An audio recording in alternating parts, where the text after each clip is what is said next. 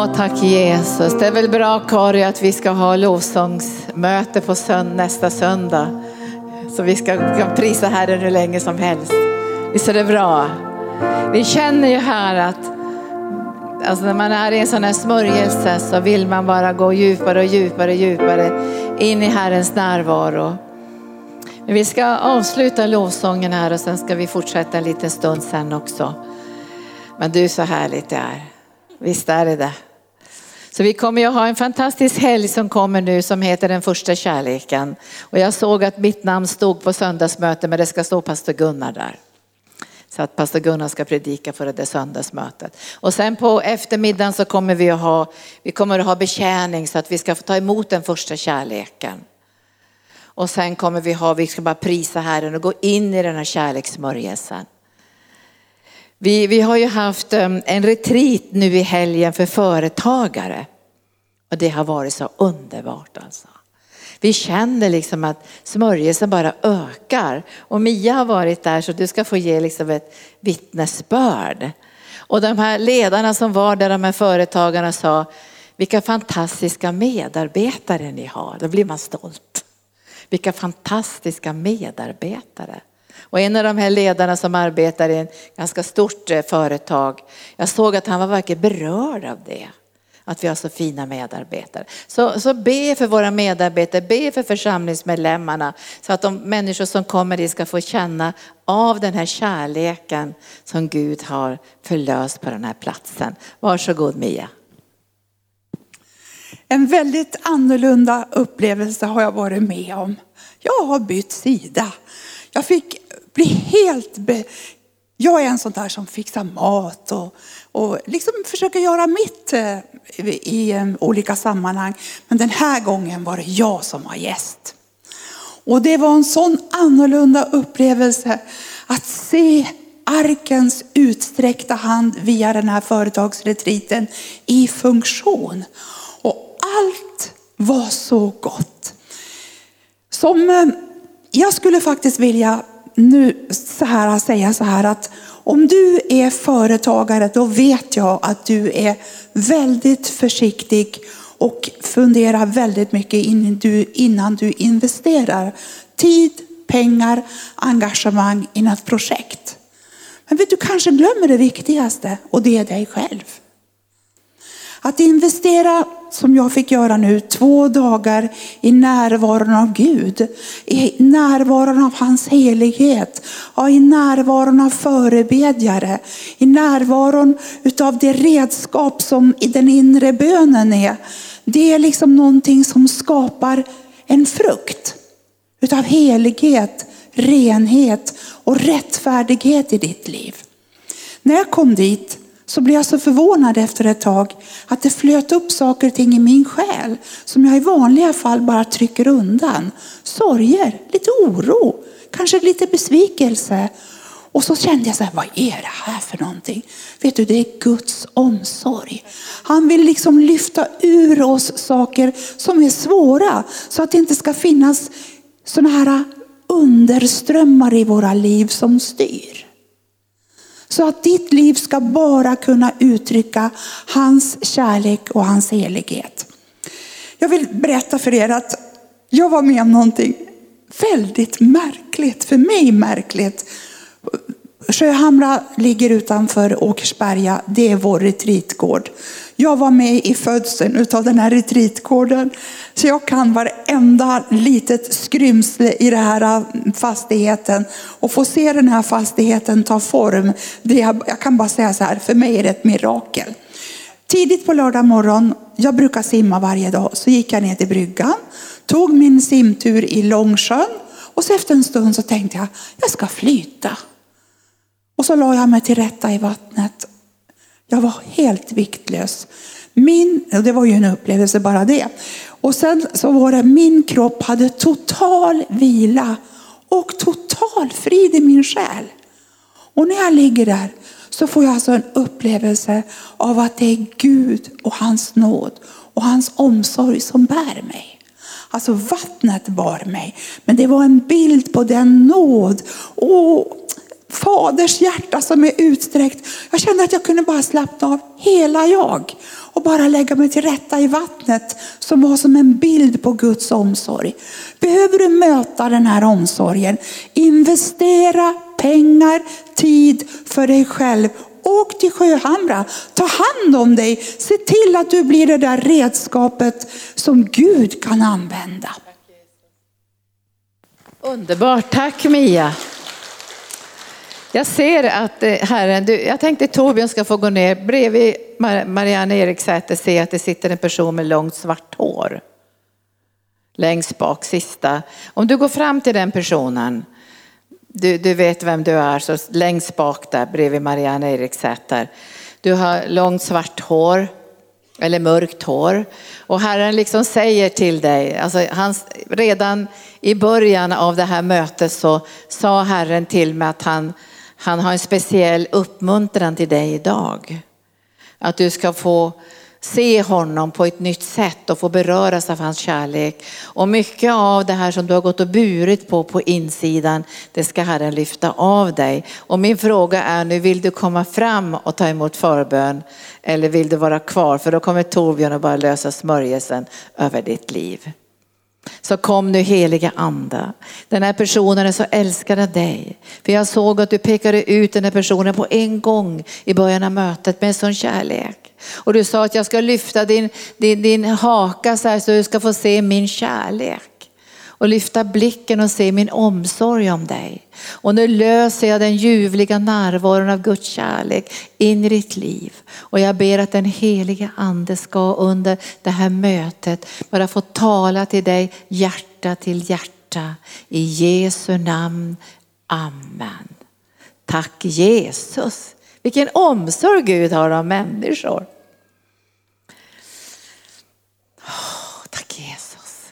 Jag har ju fått den stora nåden jag, säger, jag sa så här till några medarbetare, jag vet inte om jag kan komma tillbaka till arken sa jag. Jag vet inte om jag kan göra det. För att jag har varit i bön i tre veckor hela dagarna. Och jag, jag fick en sån där längtan, jag måste bara stanna kvar, jag måste stanna kvar, jag måste stanna kvar. Och nu börjar ju allt här på arkan. Alla möten och konferenser och, och vi ska ju resa till Island och det blir alla möjliga grejer. Men det går faktiskt att bära med sig Guds närvaro. Och jag önskar av hela mitt hjärta att vi ska få en stark Guds närvaro i arken. Ännu starkare än tidigare under de här åren som kommer framför. Och det här att ta tid med Gud. När man, när man börjar ta mycket tid, kanske två timmar, tre timmar, fyra timmar, fem timmar, det kan gå ännu längre. Då, då, då blir det väldigt stilla. Men sen börjar han dela sitt hjärta. Och jag kände att Herren delade sitt hjärta att han kommer att lägga nöd i vårt hjärta för de som ännu inte är frälsta. Alltså det är Herrens nöd. Det är inte påhittad nöd, det är inte prestationer, måste vi evangelisera. Utan det är någonting som Gud kommer att lägga ner i ditt hjärta. Som är kopplat till andens nådegåvor. Som kommer att flöda på ett övernaturligt naturligt sätt. Och det här kommer Herren att göra. För vi är i en tid nu av, av både av expansion och synliggörande av Jesus. Och vi måste själva äta det här brödet varje dag innan vi kan börja dela det med andra. Visst är det så? Vi måste smaka att Herren är god. Och så vill jag påminna er om att vi inte är färdiga med insamlingen. Jag vet ju att ni älskar arken. Du talar så fint där, Sten. Det är så fantastiskt det där med villigt hjärta hjärta. Så, så vi älskar den här platsen och uppdraget. Och därför så är vi inte färdiga riktigt med insamlingen än. Så det finns möjligheter för dig att få, skri, då skriver du när du ger din gåva så skriver du insamlingen. Jag tror jag berättade för er, men jag måste berätta det igen för jag bara går och njuter av det här. Och det var när Herren har börjat tala om att vi ska göra tio hus på Filippinerna, det känner ni till. Och vi kommer att bygga de här i slummen för att många av våra familjer som vi stöder har förlorat allt. Allt har de förlorat, alltså allt är borta. De bor bara bakom en ja, presenning. Så vi ska göra tio hus. Och då börjar jag ju på en gång att be, jag kallar på det, jag banar väg för det, jag proklamerar det, jag lyfter det till Jesu hjärta för då vet jag att den som ger till den fattiga han lånar till Herren. Så det är ganska bra ränta på den himmelska banken. Jag tror SBAB har en procent, men den himmelska banken, vet du hur många procent den har? 100 procent. Så det är verkligen ett flöde. När man ger till den fattige lånar man till Herren. Och jag satt en kväll med telefonen i handen. Klockan var nio för jag satt och jobbade med lite mejl och sådär. Och då ringer det. Och där är en man från Singapore som inte jag har träffat kanske på 20 år. Men han var här på gamla arken för många, många år sedan tillsammans med en annan businessman. Och då kunde han inte sova. Jag gillar sånt där. Ja. När det börjar bli så oro i andan, man kan inte sova, det händer något, vad är det som händer? Och man får fråga Herren, vad, vad, vad gör du? varför kan jag inte sova? Och då sa Herren till honom, du ska betala fyra hus till pastor Linda. Men jag måste ha ett tecken, sa han. Alltså hon måste svara på en gång.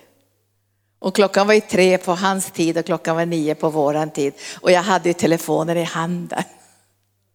Så nu har det kommit mycket pengar in på kontot. Så vi kan redan nu börja projektera. Och sen kom det en företagare som ville ge ett hus till.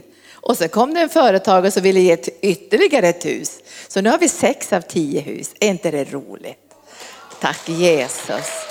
Och ja, vi har inte ens hunnit börja marknadsföra det här. Men det börjar bli marknadsfört i Guds hjärta.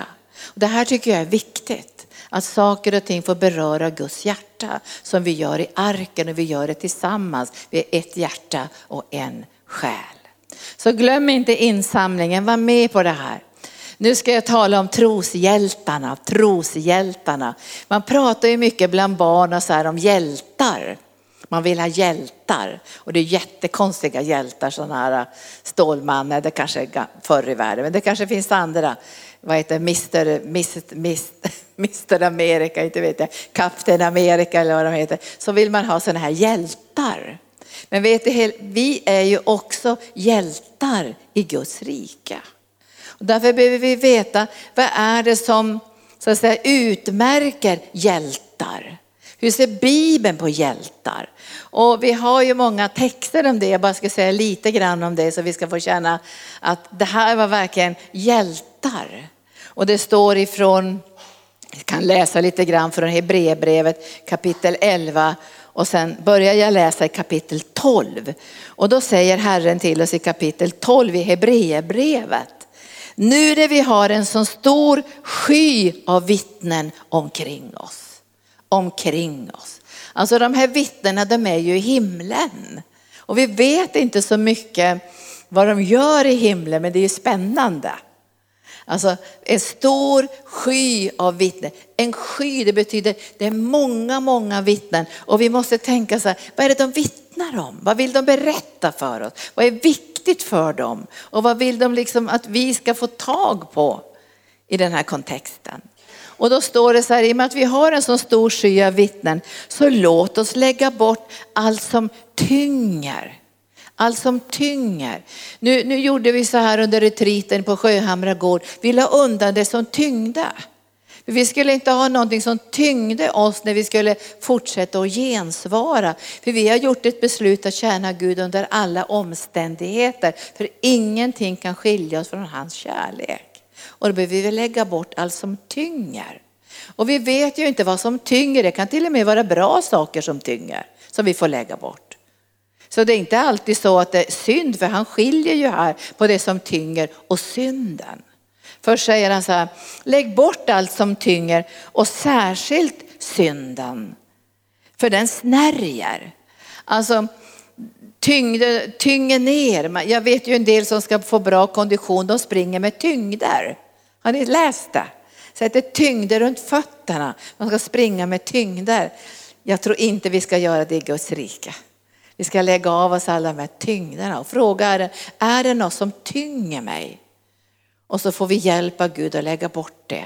Och skulle det vara att något som snärjer oss, alltså håller oss tillbaka, då får han visa det. För det vill vi också lägga bort, eller hur? För vi ska ju springa ett lopp. Och vi ska inte bli diskvalificerade. Visst är det jobbigt när folk blir diskvalificerade i vanlig sport. Alltså man kommer på kanske ett år efteråt att de har varit dopade och så tar man från dem den här prisen. Alla med medaljerna. Men vi ska inte bli diskvalificerade. Vi ska, vi ska lägga undan allt som tynger och synden som snärjer oss så hårt. Och så ska vi löpa uthålligt i det lopp som vi har framför oss. Och för att vi ska klara av det här så måste vi ha blicken på rätt ställe. På den verkliga hjälten, alltså Jesus är vår verkliga hjälte. Och då ska vi ha blicken på honom. Och så ska vi fästa den på Jesus, trons upphovsman och fullkomnare. Och, och, det står så här, för att nå den glädje som låg framför honom så uthärdade han korset utan att bry sig om skammen. Och nu sitter han på högra sidan om Guds tron. Tänk på honom som fick utstå så mycket fiendskap från syndare så ni inte tröttnar och tappar modet. Och man märker ju bland kristna och bland oss alla, så där bland alla vi som följer Jesus, att det här uthålligheten, att man får mjölksyra i benen, så andlig mjölksyra. Eller så blir man trött. Och sen så står det ju så här också att vi kan, vi kan, vi kan liksom tappa modet, förlora modet. Det händer någonting med våra liv så vi blir lite deppade. Men när vi har blicken på Jesus, vår verkliga hjälte, så hämtar vi nytt mod och så springer vi framåt utan att bli trötta, står det i Jesaja 40. Utan att bli trötta och utan att bli uppgivna. Och jag vet ju att när vi har tränat inre bönen på Sjöhamra gård så ger vi utrymme för Herren i våra tankar, i våra känslor och i vår vilja. Och då är det lättare att, att lyssna på också förmaning. Jag skrev så här häromdagen att min bön är att din förmaning ska vara som balsam för min själ, inte som en rotborste. Ibland känner man att förmaningen kommer och ibland genom människor också. Det har varit en rotborste eller stålborste som man blir helt skakad av det. Men låt din förmaning Herre bli som balsam för min själ. För ovänners kyssar kan du få i överflöd. Men vänners slag kan du få i trofasthet. Och därför ska vi be att Herrens ande gör oss mjuka på insidan så vi inte står emot det här när Herren säger det här ska du lägga undan. Det här snärjer dina fötter. Säger vi tack Jesus, tack Jesus, tack Jesus, tack Jesus. Och nu ska vi titta på de här hjältarna. Och det står i kapitel 11 i Hebreerbrevet om de här hjältarna. Det som är underbart med de här hjältarna är att det är trons hjältar. Det är trons hjältar. De levde ju som innan korset, men de kallas för trons hjältar därför de tillhör Abraham. De är som födda ur Abrahams länd kan man säga. För Abraham fick ju ett löfte att han skulle bli en far till så många människor så det skulle vara som sandkorn på en strand. Och det var ett löfte som Abraham fick. Så det är trons hjältar. Vi vet ju att genom tron fick Abraham löftet uppfyllt. Han tvivlade inte i otro för han visste att Gud som hade gett löftet var trofast. Och därför fick han ordet från himlen att han blev rättfärdig genom tron. Tron på Guds löften, tron på Guds kallelse och tron på Guds nåd i sitt liv. Och det man kan säga om de här tros, troshjältarna är att de behagade Gud. De behagade Gud. Och finns det något som jag längtar efter i djupet av mitt hjärta, att jag ska behaga Gud. Och då tänker man, hur ska vi behaga Gud? Jo, det står utan tro kan vi inte behaga Gud. Men med tro kan vi behaga Gud, står det 11 och 6. Med tro kan du och jag behaga Gud. Och hur kan vi behaga Gud? Det här är så enkelt. Vi kan behaga Gud bara med två områden. Det står i brevet 11 och 6. Det första vi behöver tro det är att Gud är till, eller hur? När Abraham fick bära sin enda son, löftessonen till Gud, för Gud hade sagt du ska offra din enda son. Så visste han i sitt hjärta så här att även om min son dör så kommer Gud att väcka upp honom. Därför Gud är till, det är det första. Gud är till, Gud lever, Gud är närvarande, Gud är vår försörjare, han är vår herde, han är uppståndelsen och livet. Alltså Gud är till. Tron fungerar inte med en Gud långt borta. Tron fungerar inte med en intellektuellt försannings, att man håller för sant att Gud egentligen finns. Utan tron fungerar bara när du och jag vet att han är här. Han lever. Då fungerar tron. Och det här, de här hjältarna de visste Gud är här. Och därför så kunde de leva helt utan fruktan. De fruktade inte. Och det står Moses fruktade inte kungens vrede. Han fruktade inte för omständigheterna därför att han visste att, att Gud var levande i hans liv och han säger så här, han liksom såg den osynlige. Och därför härdade han ut och han visste att det var mycket underbart att lida med Guds församling under en, under en kort tid eller under en lång tid om man säger så, än att njuta av synden. Vet ni att Jesus har aldrig njutit av synden, inte ett ögonblick. De flesta av oss här kanske har njutit en del av synden innan vi kände Jesus. Men Jesus har aldrig någonsin njutit av synden. Han har bara lidit på grund av synden. Det är därför som han hatar synden. Så det första, Gud är till. Tron fungerar inte om inte vi vet att han är här idag. Men nu ska vi ta emot ifrån Gud. Och då tar vi emot det för vi vet att han är här idag. Hans sårmärkta händer, frälsningens dag är nu, vi går fram till nådens tro. Gud är till. Vad var den andra saken vi skulle tro? I Hebreerbrevet 11 och 6, att han belönar dem som söker honom. Och plötsligt blir inte tro någonting svårt.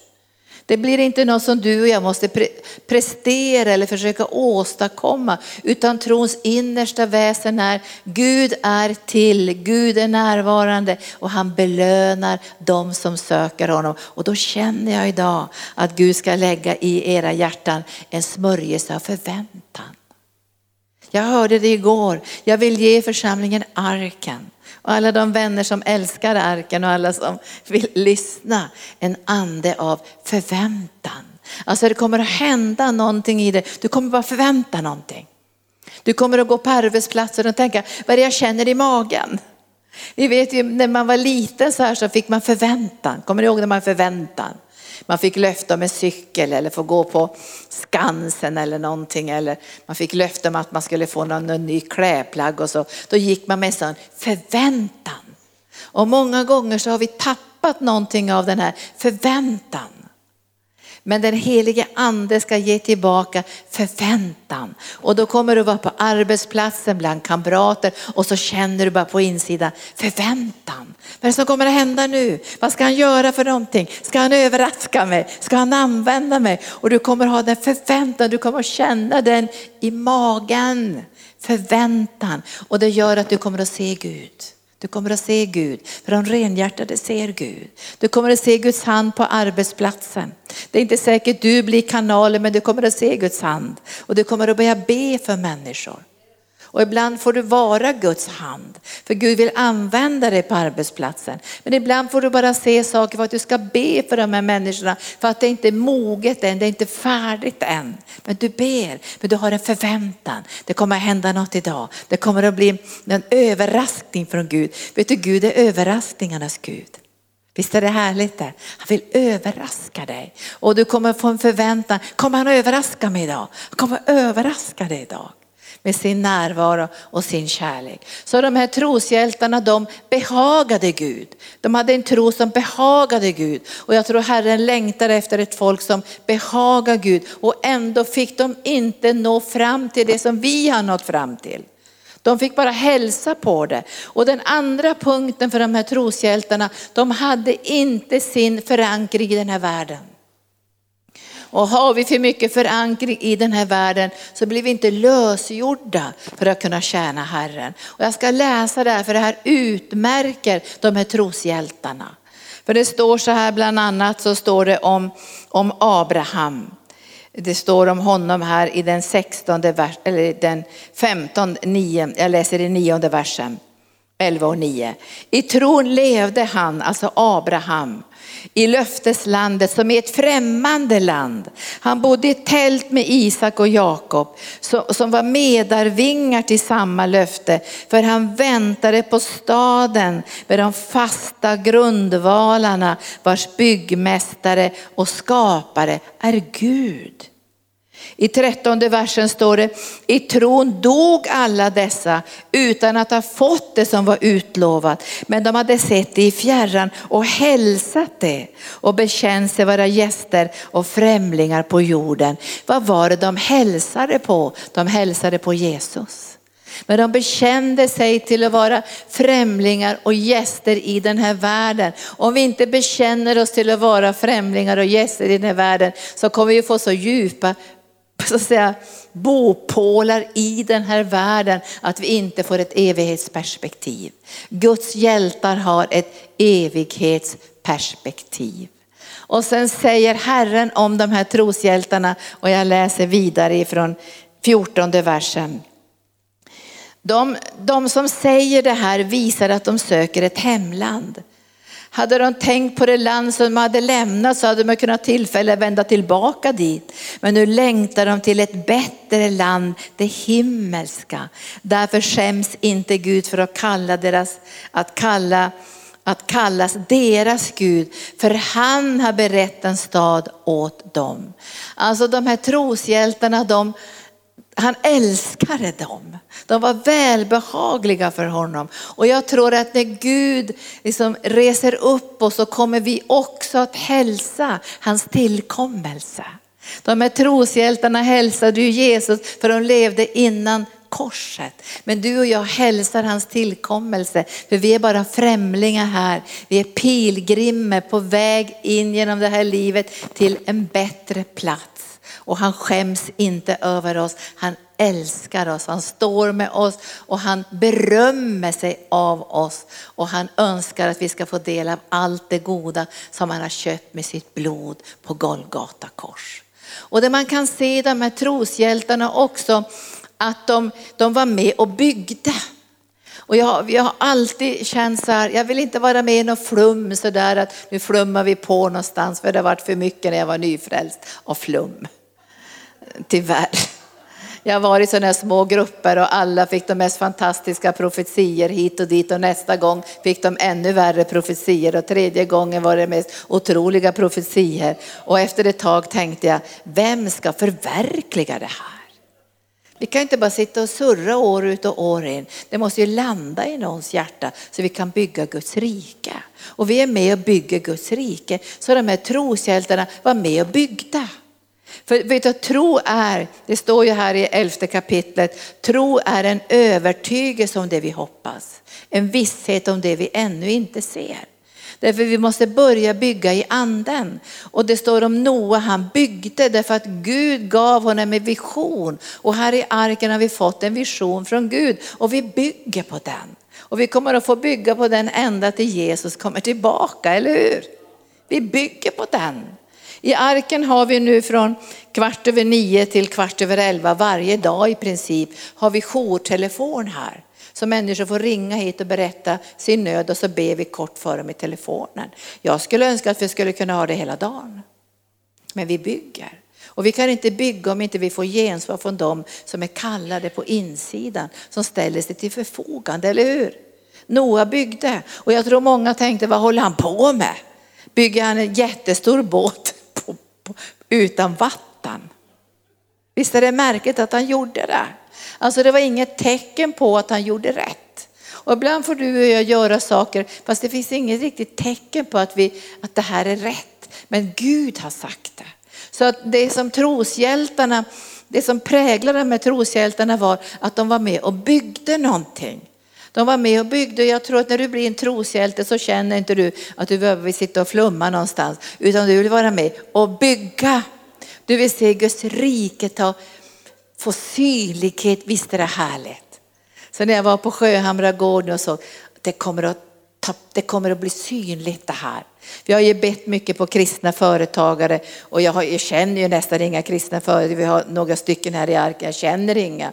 Men nu, nu ringde en kristen företagare som har ett internationellt nätverk och sa, jag vill att hela min styrelse ska få komma till Sjöhamra gård och få retreat genom er. Vart man glad då? Halleluja, halleluja, tack Jesus, tack Jesus. Tack att vi inte gav upp, tack att vi inte släppte taget. Tack Herre för att vi får vara med och bygga. Och de kanske skrattade åt Moses. Och det kan hända att de skrattar åt dig och mig också när vi håller på med olika saker. Men det kommer en tid när det blir synligt för alla att vi har inte byggt förgäves. Och det som utmärker de här troshjältarna också det är att de har lydnad. Det finns lydnad. Jag tror mycket på lydnad. Att lyda Gud, men också lyda, kunna lyda på ett positivt sätt, ledarskap och kunna lyda, att man har en lydnad inom sig, att man inte är utan betsel. Det står ju så här, utan vision blir folket tygellöst. Alltså alla springer åt alla håll. Och det blir jättesvårt att veta hur ser ledning ut och var är vi på väg någonstans. Så det finns någonting väldigt vackert i lydnaden. Och jag tycker om när barn lyder av kärlek, inte av fruktan. Inte för att man slår dem, inte därför att man hotar dem, men därför att det finns en kärlek i barnets hjärta. Visst är det så med föräldraskap. Du vill inte att du ska behöva vaka vid dina barn och slå dem och det gör vi inte, men i världen är det så. Man kan få människor att lyda av fruktan, men det finns en lydnad genom Guds hjärta som är av kärlek till honom för att vi önskar att det som han har på sitt hjärta ska bli till. Visst är det vackert det?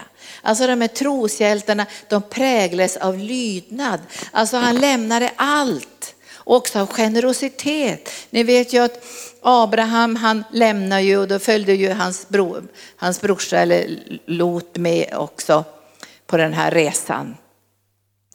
Och det vart ju lite krigiskt, jobbigt kan man säga mellan deras herdar och de växte ju till och de blev välsignade. Och då säger bara Abraham så här, du kan välja vad du vill först, ta det bästa.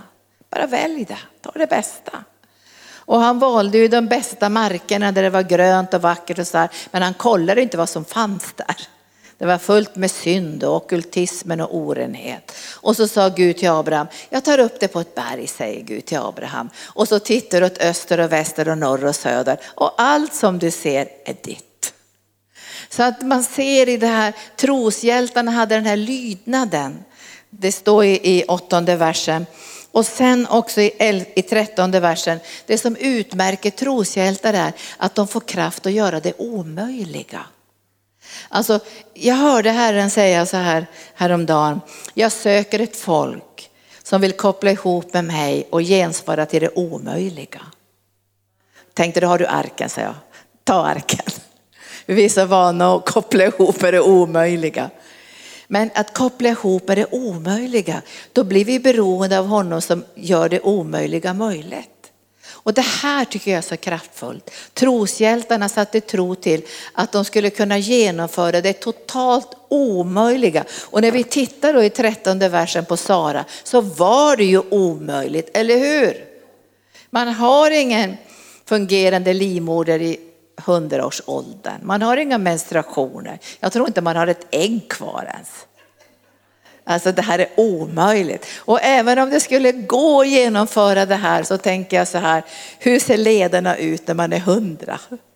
Jag tror inte de har gjort gymnastik där i främmande land och gått på gym. Men jag kan tänka mig att föda ett barn när man är hundra år, alltså då, då måste det till någonting mirakulöst. Men det står, hon finns kraft att föda. Hon fick kraft att föda. Och det som utmärker de här troshjältarna är, de fick en övernaturlig kraft att föda tillsammans med Gud. Och det här kommer vi att se. Det här kommer vi att se. Det, nu kan man titta jättemånga saker som utmärker de här troshjältarna. Och det som jag tycker är det vackraste i de här troshjältarnas liv, det kan man ju läsa på, på slutet på kapitel 11 så står det så här ifrån den 34 versen. De var svaga men fick kraft. De blev starka i strid och drev främmande herrar på flykten. Och det står andra blev torterade och accepterade ingen befrielse för de ville nå till en bättre uppståndelse.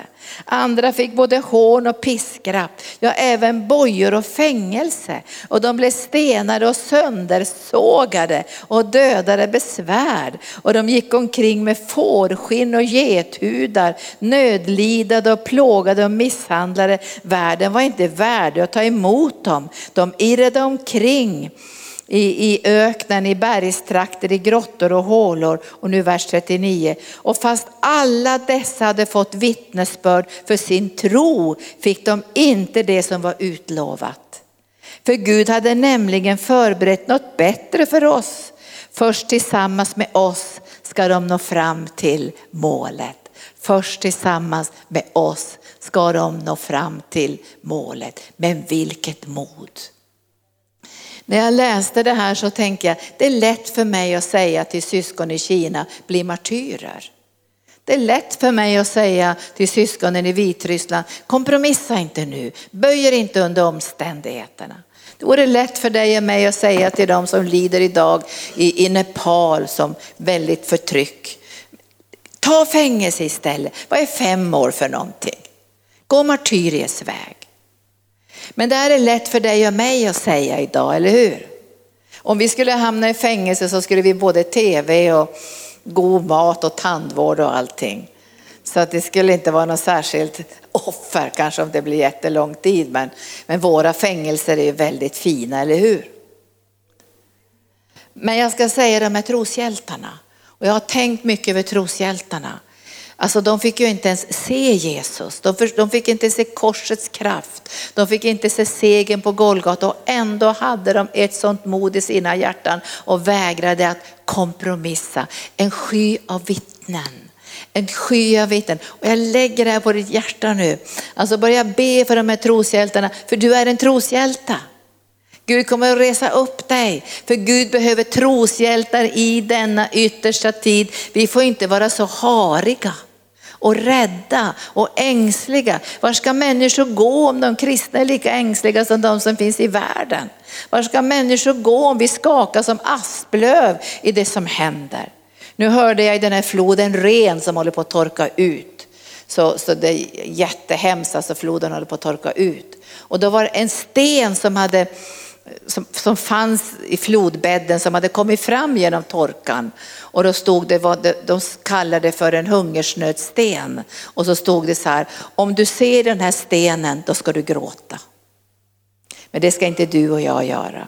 Vi kommer att se stenar och tecken på att jorden håller på att gå under. Men vi kommer att lyfta våran blick tillsammans med Jesus och göra den här världen till en bättre värld till hans tillkommelse. Så lovsångare kom upp nu. För så ska vi bara be att den heliga ande ska få verka i våra liv. Så att vi kan springa vårt lopp, så vi kan ha den uthålligheten som Gud vill att vi ska ha. Eller hur? Du vet att ibland när man blir lite äldre så tänker man, nu tar vi det lugnt då. Nu är det pensionsdags. Jag ska säga det, om du börjar tänka pensionsdags, då kan jag lova dig att du har inte många år kvar att leva. Utan du ska tänka, äntligen kan jag få tjäna Gud på heltid. Wow, visst ska du tänka så? Så ska det låta ja. Äntligen. Och då får man börja fråga Herren, vad skulle du vilja med de här bästa golden years i, i mitt liv? Och så kommer Herrens ande börja tala till dig. Vi firade en av våra medarbetare på Sjöhamra gård, Gunhild. Ni ser hon är ju i profetisk smörjelse och flödar. Vi firade henne 83-årsdag på Sjöhamra gård. Vilken hjälte, vilken eld, vilket exempel, vilken härlighet. Jag tror hon kommer att få en jättestor segerkrans i, i den eviga världen. Hon ska ha många, många år till att tjäna Herren. Men om du känner nu så här, jag har fått lite mjölksyra i benen, jag till och med tycker det är jobbigt att gå på söndagsmöte. Det kanske tar emot på något sätt. Så ska Herrens ande få röra vid dig idag och beröra ditt innersta. Roligt att se dig här. Hur känns det? Nej, jag behöver sunkig tro.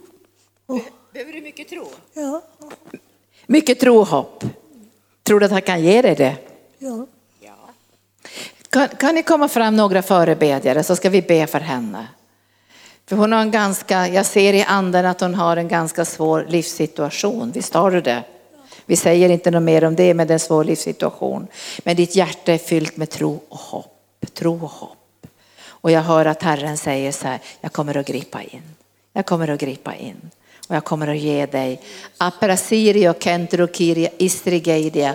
Herrens ande säger att till henne så här, du ska vara tydlig med ditt hjärtas begär. Jag vill höra från ditt innersta.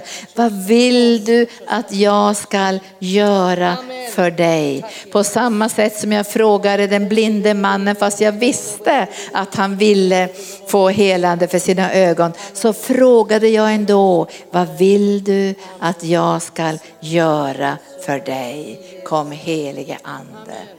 Kom helige ande. Tack Jesus. Tack Jesus. Nu måste jag höra här, hur känns det? Det känns bra. Känns det bra? Du, vill aldrig, du vill inte komma fram du va? Men Gud har rört vid dig, har inte det? Tack Jesus. Och jag tackar dig för denna vackra dotter. Tack Jesus. Tack Jesus. Tack Jesus. Tack Jesus. Halleluja. Hur känns det Louise? Är du trött? Är du trött? Ja.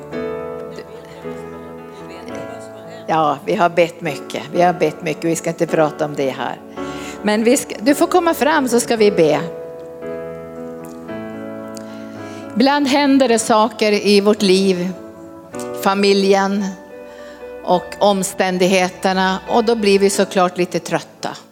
Men det finns en källa.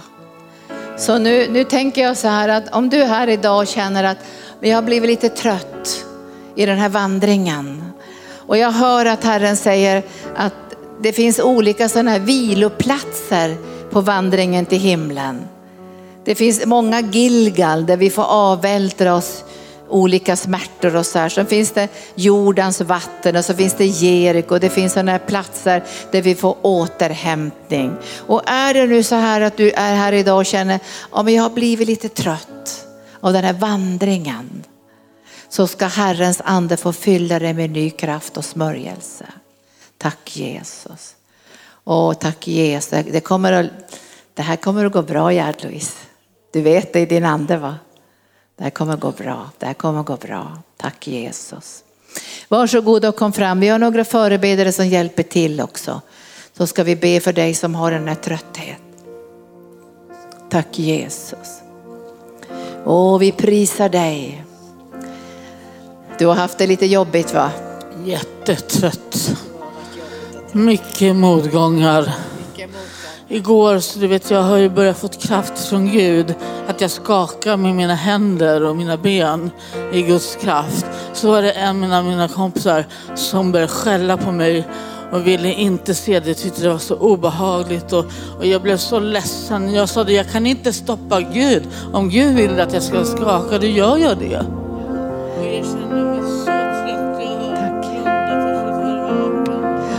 Tack Jesus. Vet du, den här härliga tjejen ska få förnyad kraft från Jesus. Och ibland är inte människor snälla heller. Men vem bor i dig? Är inte han snäll? Det är Jesus. Han bor i dig och han älskar dig. Tack Jesus. Nu tar jag Gud, nu kommer Guds kraft, nu kommer Guds kraft. Ta emot Guds kraft nu, ta emot Guds kraft. Ta emot nu, ta emot, ta emot, ta emot. Nu kommer det, nu kommer det, nu kommer det, nu kommer det.